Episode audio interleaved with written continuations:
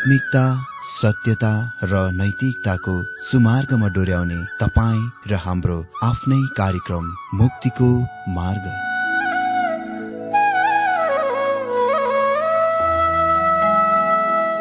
आदरणीय श्रोता यस मुक्तिको मार्ग कार्यक्रममा हार्दिक स्वागत छ।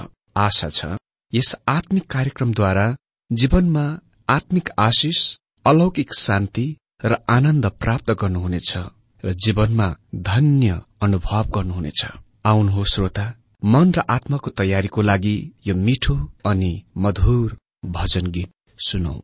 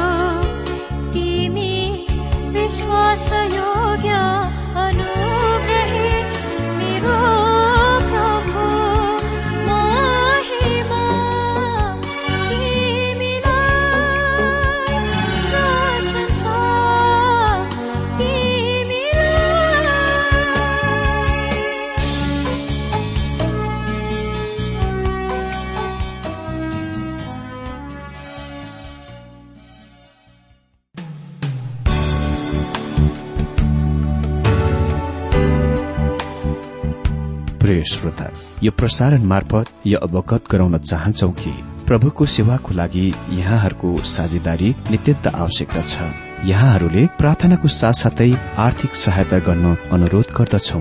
तपाईँहरूको सानो भन्दा सानो भेटी किन नहोस्? हामी प्रभुको नाममा स्वीकार गर्नेछौ प्रभुको सेवाको लागि। तपाईँहरूको यो सानो लगानीले कसैको जीवनमा भिन्नता ल्याउँछ अनि प्रभुको महिमा हुन्छ। प्रभु तपाईँहरूलाई महान गरी आशिष दिनुहुनेछ। इच्छुक श्रोताहरूले तपाईँको इच्छा भेटी हाम्रो ठेगानामा पठाउन सक्नुहुन्छ जुन ठेगाना हामी कार्यक्रमको अन्तमा दिनेछौं। प्रिय श्रोता मित्र प्रभु येशु ख्रिस्टको मधुर अनि सामर्थ्यनामा तपाईँ सबैलाई जयमसी अनि हार्दिक स्वागत छ। आजको यो बाइबल अध्ययन कार्यक्रममा। श्रोता आज हामी बाइबल अध्ययन मलाकी दुई अध्यय दशदेखि पन्ध्र पदबाट अध्ययन गर्न गइरहेका छौं। यहाँ हामी सर्वप्रथममा देख्नेछौ सामाजिक पापहरूको लागि मानिसहरूलाई हप्काई त्यसपछि देख्नेछौ विवाह विच्छेद। र पूर्ण विवाहको पापहरू।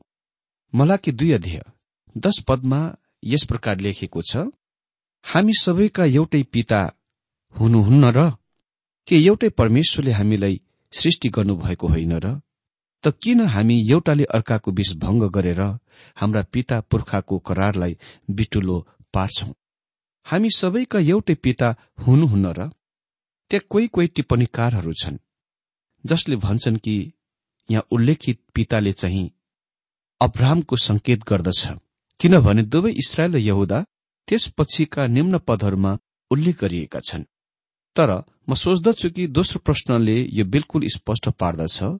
मलाकीले परमेश्वरको बारेमा पिताको रूपमा यहाँ बोलिरहेका छन् जहाँ लेखेको छ के एउटै परमेश्वरले हामीलाई सृष्टि गर्नुभएको होइन र उसले यो पनि स्पष्ट पार्दछ? कि कुन तरिकामा परमेश्वर पिता हुनुहुन्छ? उहाँ सृष्टि गर्ने कामद्वारा पिता हुनुहुन्छ। तर मानिसले त्यस सम्बन्धको गुमाए। आदमलाई परमेश्वरको पुत्र भनिन्दथ्यो। तर पापमा पतनपछि उसले आफ्नै स्वरूपमा पुत्र जन्माए। परमेश्वरको स्वरूपमा होइन। तर उसँगै आफ्नो पतित स्वभावको स्वरूपमा। त्यसकारण जब इसरायल राष्ट्र दृश्यमा आउँछ हामी परमेश्वरले विशेष गरेर कुनै इसरायली व्यक्ति विशेषलाई आफ्नो पुत्रको रूपमा भन्नुभएको कुरा पाउँदैनौ। बरु उहाँले इसरायल राष्ट्रको संयुक्त बधन वा शरीरको बारेमा पुत्रको रूपमा बोल्नुहुन्छ। पुरानो नियममा कहिले पनि परमेश्वरले कसै व्यक्ति विशेषलाई आफ्नो पुत्रको रूपमा सम्बोधन गर्नुभएको छैन। अरू त के? दुई महान विशिष्ट मानिसहरू मोसा र दाउदलाई उहाँले भन्नुभयो मेरो दास मोसा मेरो दास उहाँले कहिले भन्नुभएन कि मेरो पुत्र मोसा र दाउद मेरो पुत्र व्यक्ति विशेषहरू परमेश्वरको पुत्र वा सन्तान येशुमा विश्वासद्वारा मात्र बन्दछ परमेश्वर मानव जातिको यस अर्थमा पिता हुनुहुन्छ कि उहाँ सृष्टिकर्ता हुनुहुन्छ। यो नै एक त्यस्तो कुरा हो हाम्रो समकालीन समाजमा अति नै धेरै गरी जोड़ दिएको छ। मैले एक पश्चिमेली मुलुकको टीभी च्यानलमा एक प्रसारणमा एक व्यक्तिलाई सुनेथे जो निश्चय नै उद्धार नपाएका मानिस थिए। यस तथ्यमा उसले जोड़ दियो कि हामी हरेक मानव जाति हौ र हामीले एक आपसलाई आदर सम्मान देखाउनु पर्छ र एक अर्काको लागि ख्याल वास्ता गर्नुपर्छ। हजुर यो बिल्कुल सही र सत्य कुरा हो। तपाईँ मानव हुनुहुन्छ र म पनि मानव हुँ। हामीले एक आपसलाई आदर गर्नुपर्छ वास्ता गर्नुपर्छ। के हामी सबैको एउटै पिता हुनुहुन्न र के एउटै परमेश्वरले हामीलाई सृष्टि गर्नुभएको होइन र हामी सबै परमेश्वरका सृष्टि हौ। त किन हामी एउटाले अर्काको विश्वास भंग गरेर हाम्रा पिताहरूको करारलाई बिटुलो पार्छौं? अहिले तिनीहरू चुनिएका जातिहरू थिए। तैपनि परमेश्वरका आज्ञाहरूको तोडिरहेका थिए र एक अर्कासँग विश्वासघात रूपमा व्यवहार गरिरहेका थिए। तिनीहरू परमेश्वरसँग सही सम्बन्धमा थिएनन्। त्यसकारण तिनीहरू एक आपससँग सही सम्बन्धमा थिएनन्। अनि यो हाम्रो दिनका मानिसहरूको निम्ति पनि बिल्कुल सत्य हो। म व्यक्तिगत रूपमा भन्नुपर्छ कि त्यहाँ धेरै उद्धार नपाएका मानिसहरू छन्। म तिनी विश्वास गर्दिन। अनि त्यहाँ मण्डलीमा पनि धेरै त्यस्ता मानिसहरू छन् जसलाई तपाईँ विश्वास गर्न सक्नुहुन्न।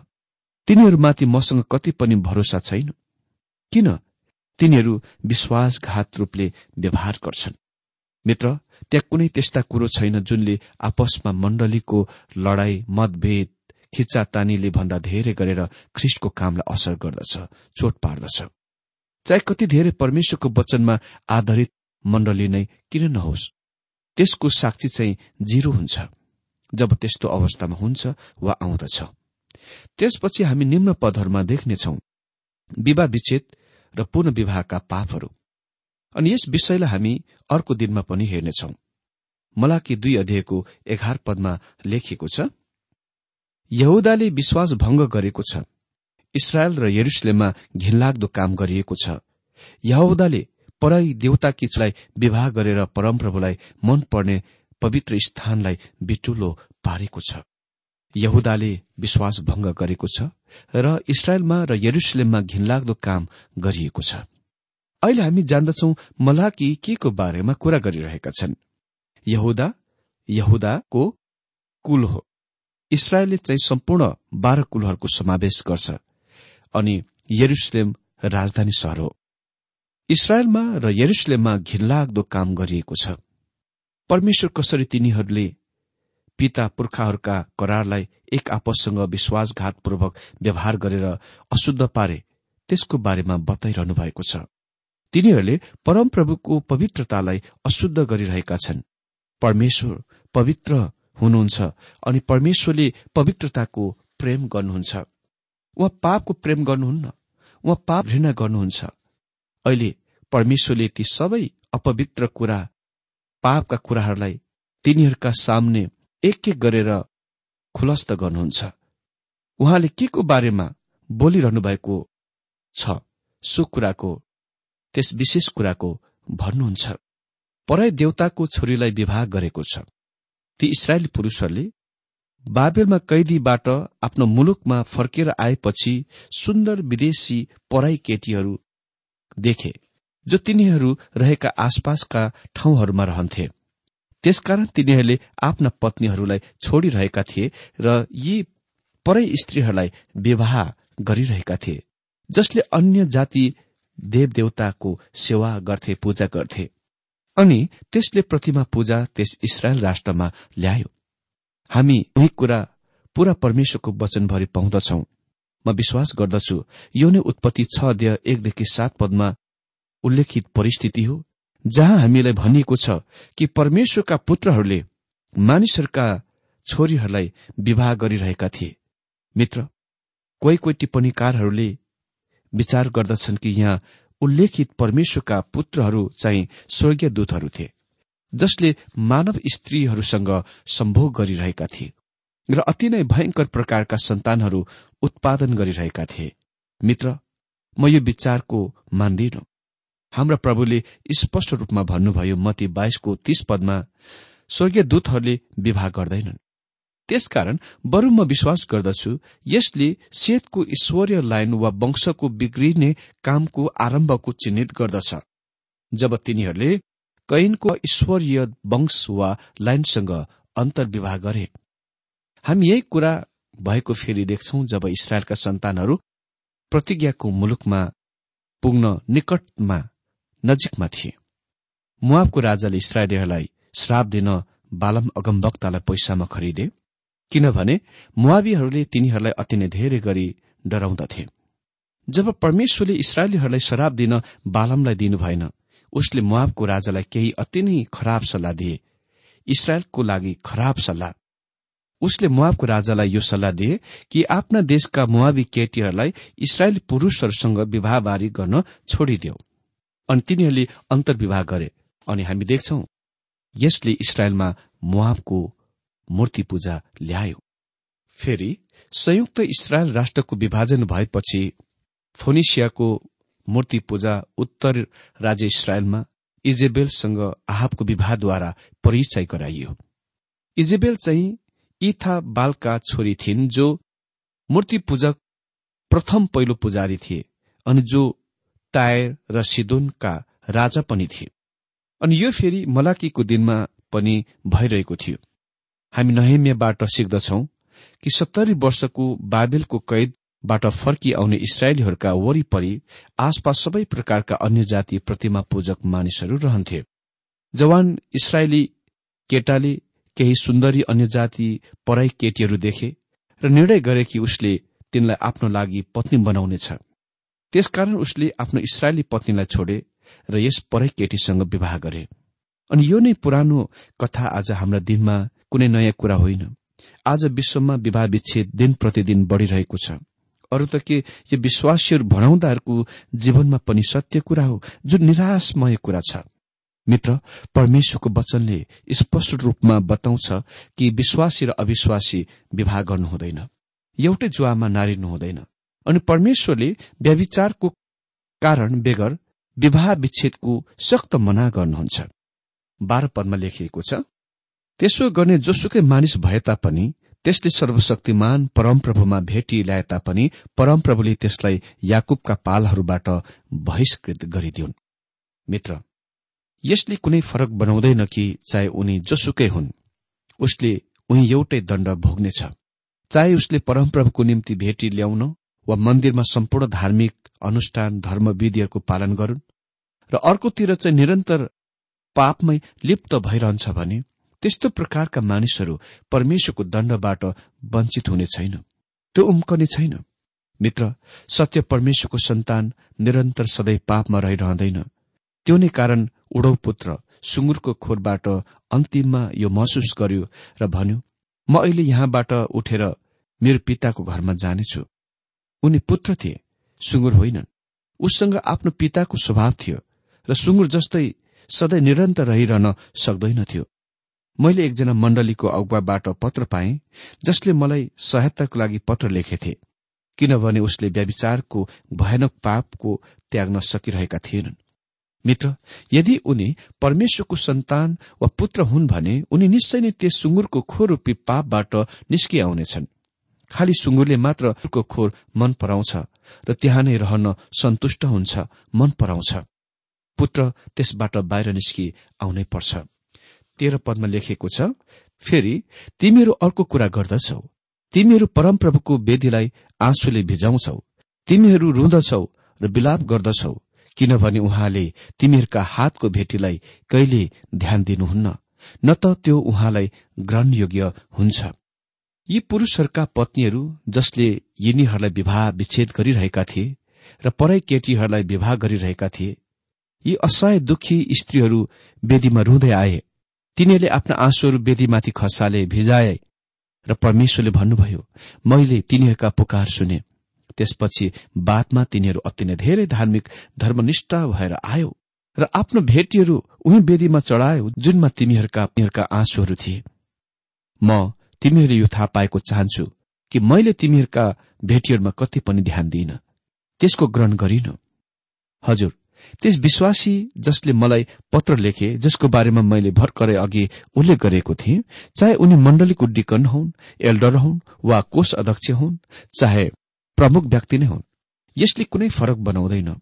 म उसलाई यो निश्चय दिलाउन सक्छु कि परमेश्वरले उसको असल कामहरूमा कुनै ध्यान दिइरहनु भएको छैन।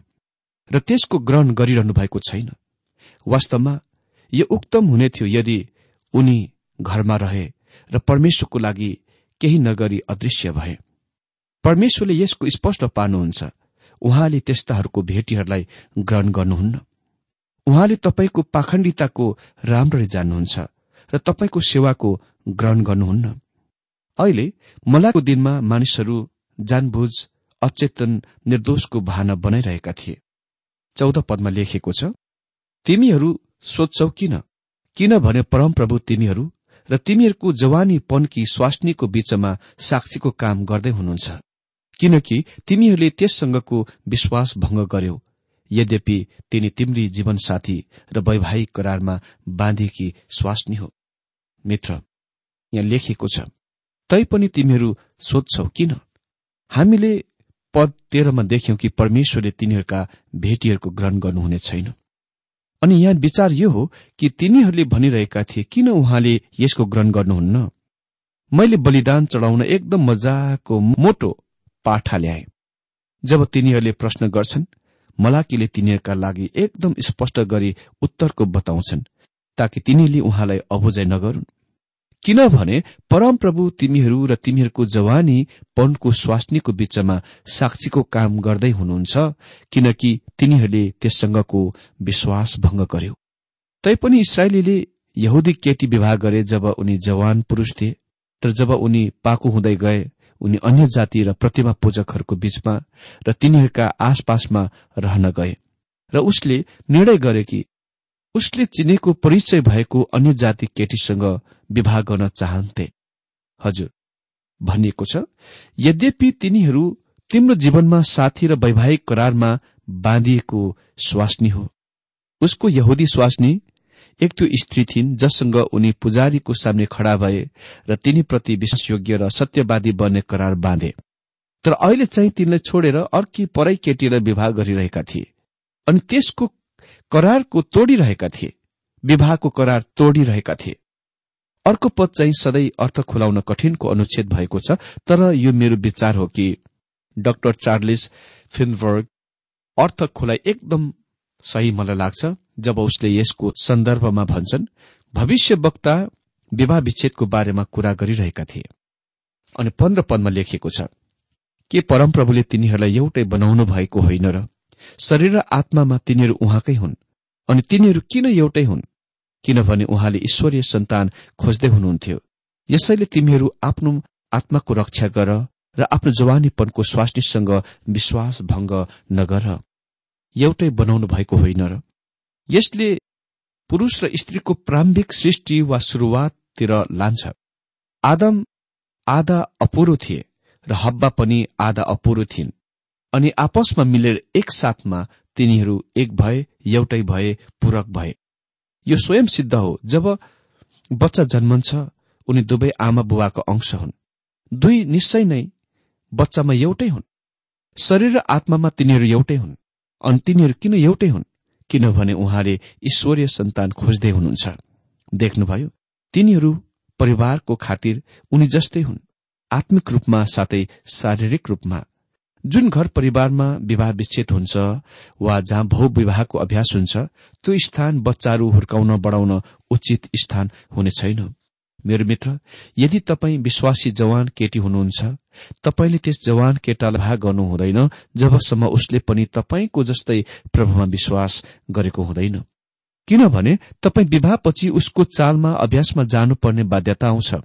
अनि यदि तपाईँ चाहिँ परमेश्वरको सन्तान हुनुहुन्छ र तपाईँको जीवनसाथी चाहिँ परमेश्वरको सन्तान होइन भने तपाईँले जीवनमा अति नै मुस्किलको समय र अनुभव पाउनुहुनेछ। यो अति नै नमिठो र नमजाको अनुभव हुनेछ। यदि तपाईँ अविवाहित जवान केटा र जवान केटी हुनुहुन्छ भने म तपाईँहरूलाई के भन्न चाहन्छु भने यदि तपाईँ सोच्नुहुन्छ कि तपाईँ आफ्नो प्यारो हृदयको टुक्रालाई ख्रिस्टमा जित्न सक्नुहुन्छ वा ल्याउन सक्नुहुन्छ यो कुराको पक्का बनाउनुहोस्। कि यो विवाहभन्दा पहिले गर्नुहोस्। किनभने त्यस समयमा नै तपाईँसँग महान प्रभाव हुनेछ। म तपाईँलाई भन्दछु प्रेममा हुने फसेका जवान केटाले लगभग त्यस केटीलाई खुसी तुल्याउन हरेक कुनै न कुरा गर्न सक्छ। हरेक कुरा गर्न सक्छ जसले उनी विवाह गर्न चाहन्छ। तर विवाहपछि उनी तपाईँलाई खुसी तुल्याउन वा खुसी पार्न त्यति उत्सुक हुँदैन। अनि त्यो प्रेममा हुने जवान केटीको लागि पनि सत्य हुन सक्छ। यदि तपाईँले विवाहभन्दा पहिले आफ्नो स्वीट हार्ट प्रेमी वा प्रेमिकालाई ख्रिस्टमा जित्न सक्नुहुन्न भने तपाईँ पछिबाट संकष्टमा पर्न सक्नुहुन्छ। यसैले तिनीहरूले आफ्नो आत्माको रक्षा गर र आफ्नो जवानीपनको स्वास्नीसँगको विश्वास भंग नगर। मलाकीले तिनीहरू के के गरिरहेका छन् सो कुराको हेर्न विचार गर्न चेतावनी दिइरहेका छन्। परमेश्वरले सक्त गरेर आफ्ना जनहरूलाई अन्य जातिहरूसँग अन्तर्विवाह गर्न मना गर्नुभएको थियो। तपाईँले यादै होला यरुसलेमको पर्खाल नहिमियाले निर्माण गरेपछि राजालाई मध्य टक्राउन आफ्नो पहिलेको पेसा वा काममा फर्किआए मादी र फारसको राजधानीमा। तर उनी त्यहाँ समय रहेपछि उसले आफ्नो छुट्टीको समय त्यहाँ बिताएपछि यरुसलेममा फर्किआए। उसले पत्ता लगाए कि परमेश्वरको शत्रु अमोनी तोबिया नाम गरेको मानिस मन्दिरको कोठा कक्षमा सरेका थिए र त्यहाँ नै बसिरहेका थिए। प्रधान पुजारीले उसको निम्ति बस्ने राम्ररी प्रबन्ध बनाइदिएका थिए किनभने उसको छोराले तोबियाको छोरीसँग विवाह गरेथे तपाईँलाई थाहा छ नहमियाले त्यसको बारेमा के गरे? उनी त्यहाँ गए र तोबियाको सबै सरसामानहरू लिएर त्यहाँबाट तुरन्तै हटिजान आज्ञा गरे। अनि यो अभद्र व्यवहार जस्तो थियो। अनि त्यस परिस्थितिमा त्यसको आवश्यक पनि थियो र उसले मन्दिरको शुद्धिकरण गरे। मित्र नहिमा ती आफ्ना जातिहरूसँग एकदम कठोर पेश भए जसले अमोनी र मुहावीहरूसँग अन्तर्विवाह गरे। तिनीहरूसँगको उसको व्यवहारको सम्बन्धमा उनी स्वयंले रेकर्ड गर्छन् नहिमे तेह्रको पच्चिस पदमा लेखेको छ मैले तिनीहरूलाई र शराब दिए। मैले कुनै कुनै मानिसहरूलाई पिटे र जकल्ट्याए। मैले यसो भनेर परमप्रभुको नाउँमा तिनीहरूलाई शपथ खान लगाए। तिमीहरू आफ्ना छोरीहरू उनीहरूका छोराहरूसँग विवाह गरिदिने छैनौ। अथवा उनीहरूका कुनै पनि छोरीहरू तिम्रा छोराहरूसित वा तिमीहरू आफैले विवाह गर्ने छैनौ। अनि उसले अन्य जातिसँग अन्तर्विवाहद्वारा तिनीहरूका राष्ट्रमा आएका महान विपत्तिहरूका तिनीहरूलाई याद दिलाए। यो आज हामीलाई हाम्रा दिनहरूमा नहिम्या जस्तै मानिसको कति धेरै आवश्यक छ जो परमेश्वरको वचनको लागि उभिएथे मित्र आज हामीले देख्यौं विवाह विच्छेद र पुनः विवाहका पापहरू। अर्को दिनमा पनि हामी यही विषयबाट अध्ययन गर्नेछौं।